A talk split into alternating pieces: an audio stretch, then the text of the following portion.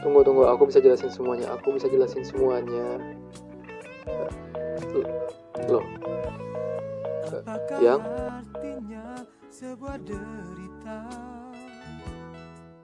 Selamat datang di podcast kami. Gua G. Dan, dan gua L. Biar mata kita berbicara.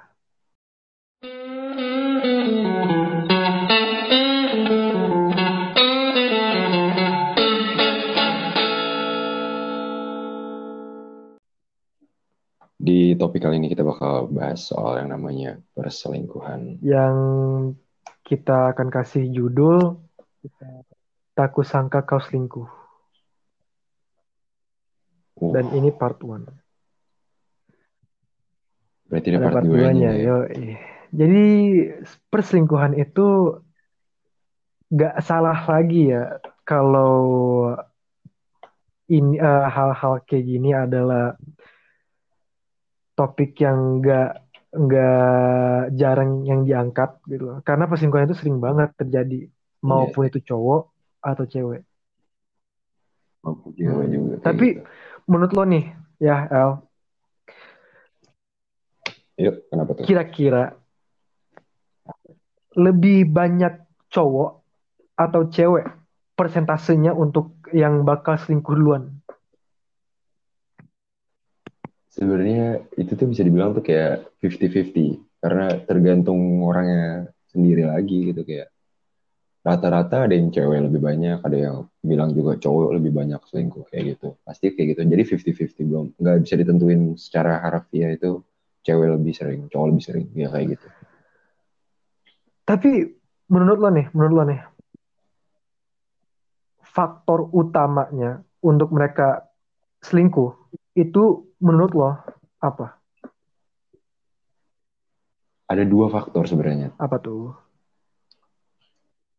Satu, itu entah karena si orang yang di pihak satu ini bosen atau enggak dia nafsu ke orang lain itu faktornya nafsunya nafsunya kayak apa nafsu nafsu nafsu engas gitu ya oh itu gue gak, gak, gak tahu. Nafsunya tuh banyak. Bisa aja kayak dia nafsu pengen punya cewek yang lebih cantik pengen jalan sama cewek lebih cantik atau pengen ya gitu lah. Bisa bisa pikir sendiri lah. Itu dua faktor yang menurut gue bisa bikin orang jadi selingkuh ya itu. Kalau menurut gue sih ya perselingkuhan itu terjadi karena uh, jelasnya dia tidak puas dengan saat paham nggak? Iya, benar. Bisa jadi seperti itu. Bisa seperti itu juga. Kayak mungkin kalau bisa kita ulik ya, kalau misalnya kita bisa ulik pemikiran para orang-orang yang pernah selingkuh atau sedang berselingkuh nih. Yeah. Mereka sebenarnya untuk orang yang di luar sana yang lagi selingkuh atau lagi diselingkuhin nah, nih. Iya. Nah, ini nih buat kalian semua yang lagi selingkuh atau pernah menyelingkuhin orang, uh, semua anjing, eh. Ini benar-benar nggak uh, ada filter ya, nggak ada. Ya, ini juga filter. Maksudnya ya, ya ngomong seadanya aja lah kita. Ya, jujur nggak ada munafik munafik kita nggak suka sama lo pada ya udah gue bilang kita bilang gitu. Iya. Ya. Gini. Karena lebih baik ngomongnya di depan daripada nah, di belakang. iya. No backstabbing no backstabbing ya. Oke? Okay? ya. No backstabbing. Oke. Okay. kan terus lanjut nah, kan manusia itu kan nggak pernah yang namanya puas. Dan itulah bakal hmm, pasti. bakal ada terus sih maksudnya kayak perasaan itu bakal bakal ada terus. Gimana kita udah mempunyai sesuatu yang kita udah lama idamkan ya kan? Lama kemudian lama kita bosan. Dan itulah iya, manusia. iya, pasti. Ya kan? Contoh aja yang paling apa? Sebenarnya apa tuh? Okay. contohnya apa tuh? Gimana lo nih contoh contoh contoh lo aja deh ini bayangin dia aja okay. lu mendekati eh lu deketin nih, lu deketin cewek. Lu deketin, lu udah Iya. dikejar lama, ya kan?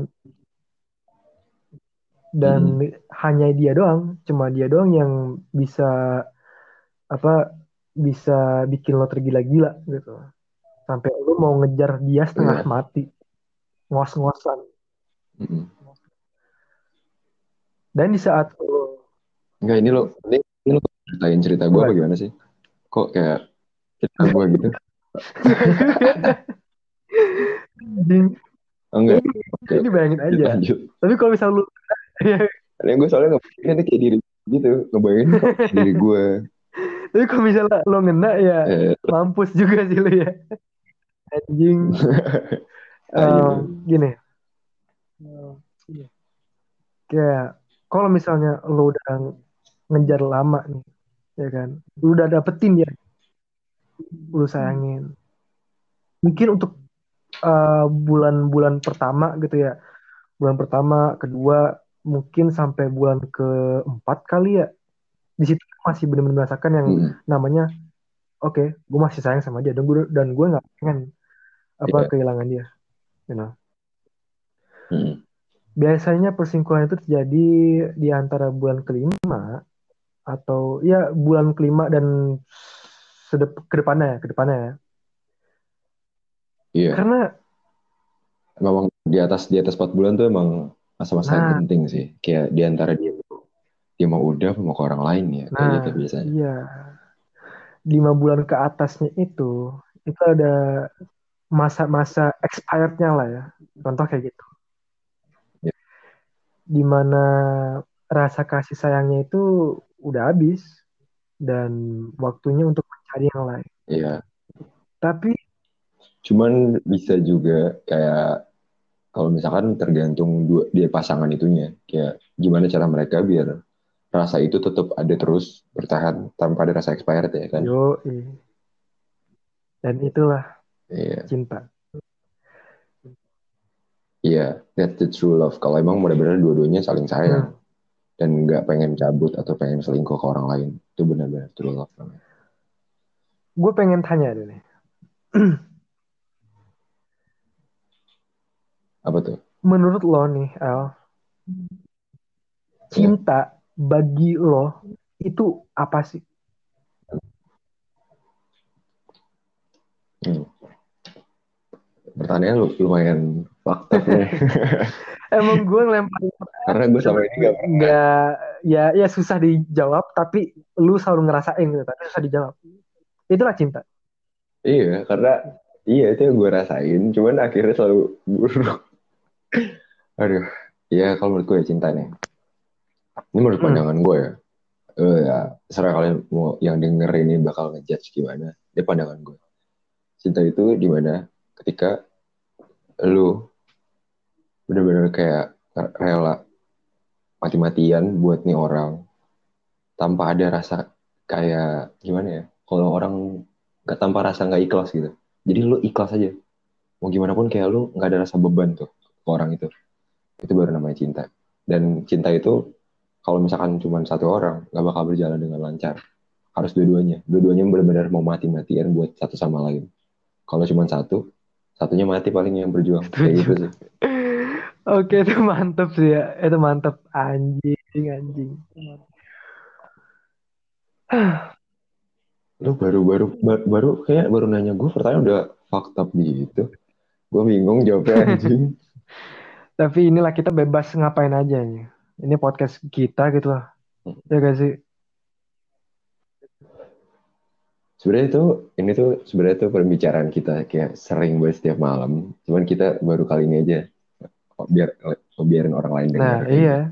Dan ini podcast ini bener-bener gak ada editan dan gak ada Iya, bakal kita edit. eh, maksudnya ya ini seapa adanya gitu loh terima nggak terima Iya, suka nggak suka kita bodoh amat bagi yang suka alhamdulillah bagi yang nggak suka ya nggak apa-apa gitu kayak udah. Kita cuman ya pengen ngobrol aja sih. Sebenarnya setiap malam kita ngobrol. nah iya gitu. hampir setiap malam hampir setiap malam untuk ya mendengarkan bertukar cerita lah ya istilahnya kayak gitu kita bertukar cerita Iya. antara satu sama lain dan kita saling mengerti kayak sakitnya L kayak gimana sakitnya gue kayak gimana gitu. Iya. Oke, mending kita balik ke topik perselingkuhan ya. Oke, kita balik lagi nih. Kalau menurut gue ya, mau apa pun itu kondisinya, mau lo punya masalah keluarga, lo punya masalah insecure atau maaf banget nih kasarnya ya, atau lu eh, bipolar, bipolar gitu ya, Iya. selingkuh itu bukan jalan. Nggak Betul. pernah ada orang yang benar-benar pintar memilih untuk selingkuh. Berarti manusia itu bukan mencintai, tapi dia hanya ingin tahu, Ingin tahu ingin dan tahu nafsu dan sih. nafsu betul. Dan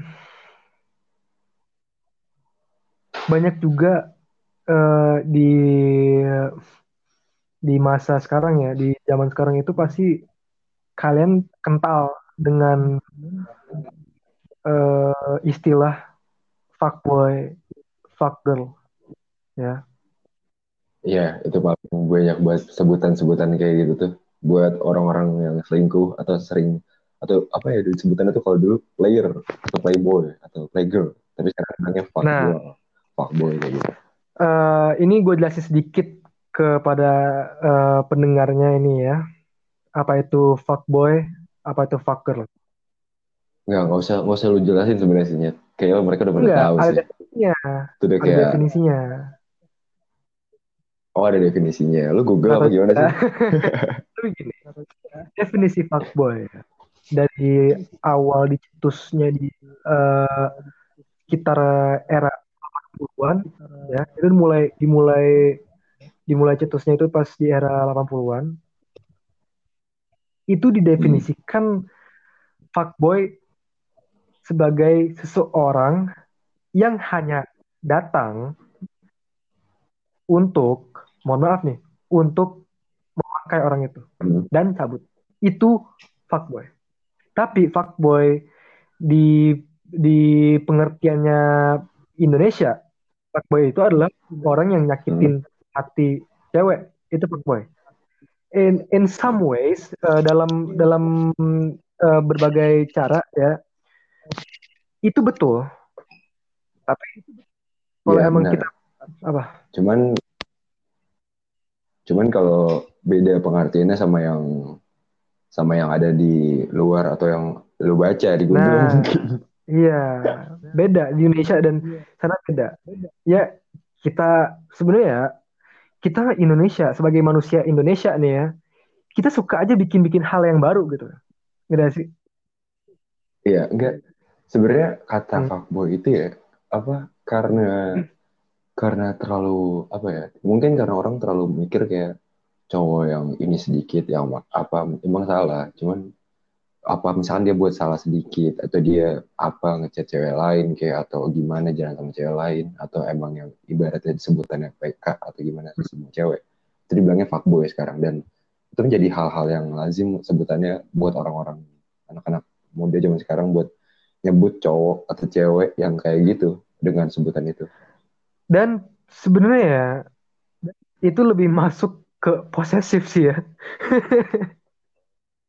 iya, iya sih iya sih bener sih iya cuman Kayak apa lu nggak bisa su- bahwa cowok lu itu nggak chatan sama lo doang gitu lah.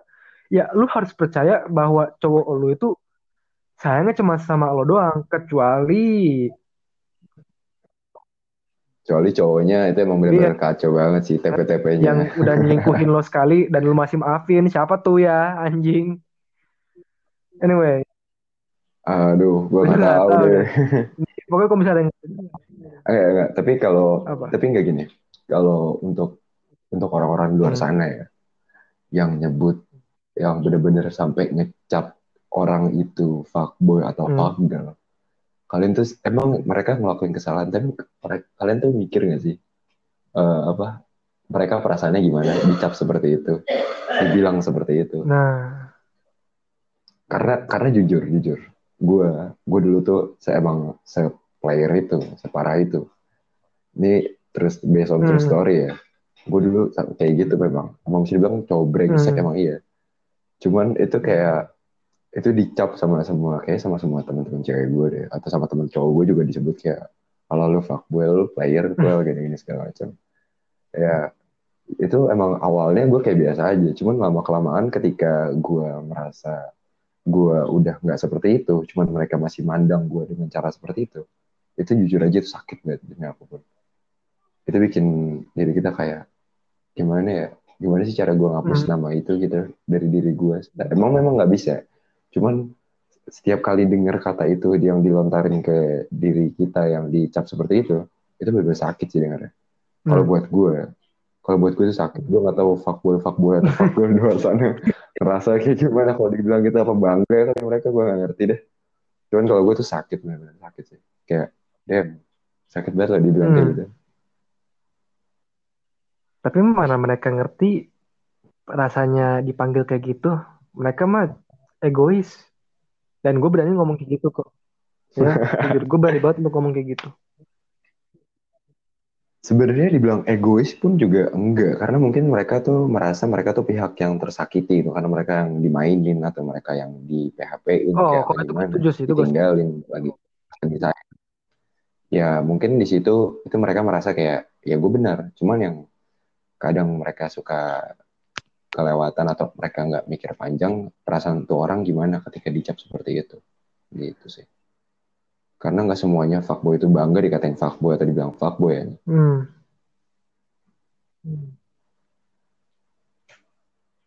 tuh kalau menurut gue gitu Oke. Ini kita akan lanjut di part kedua.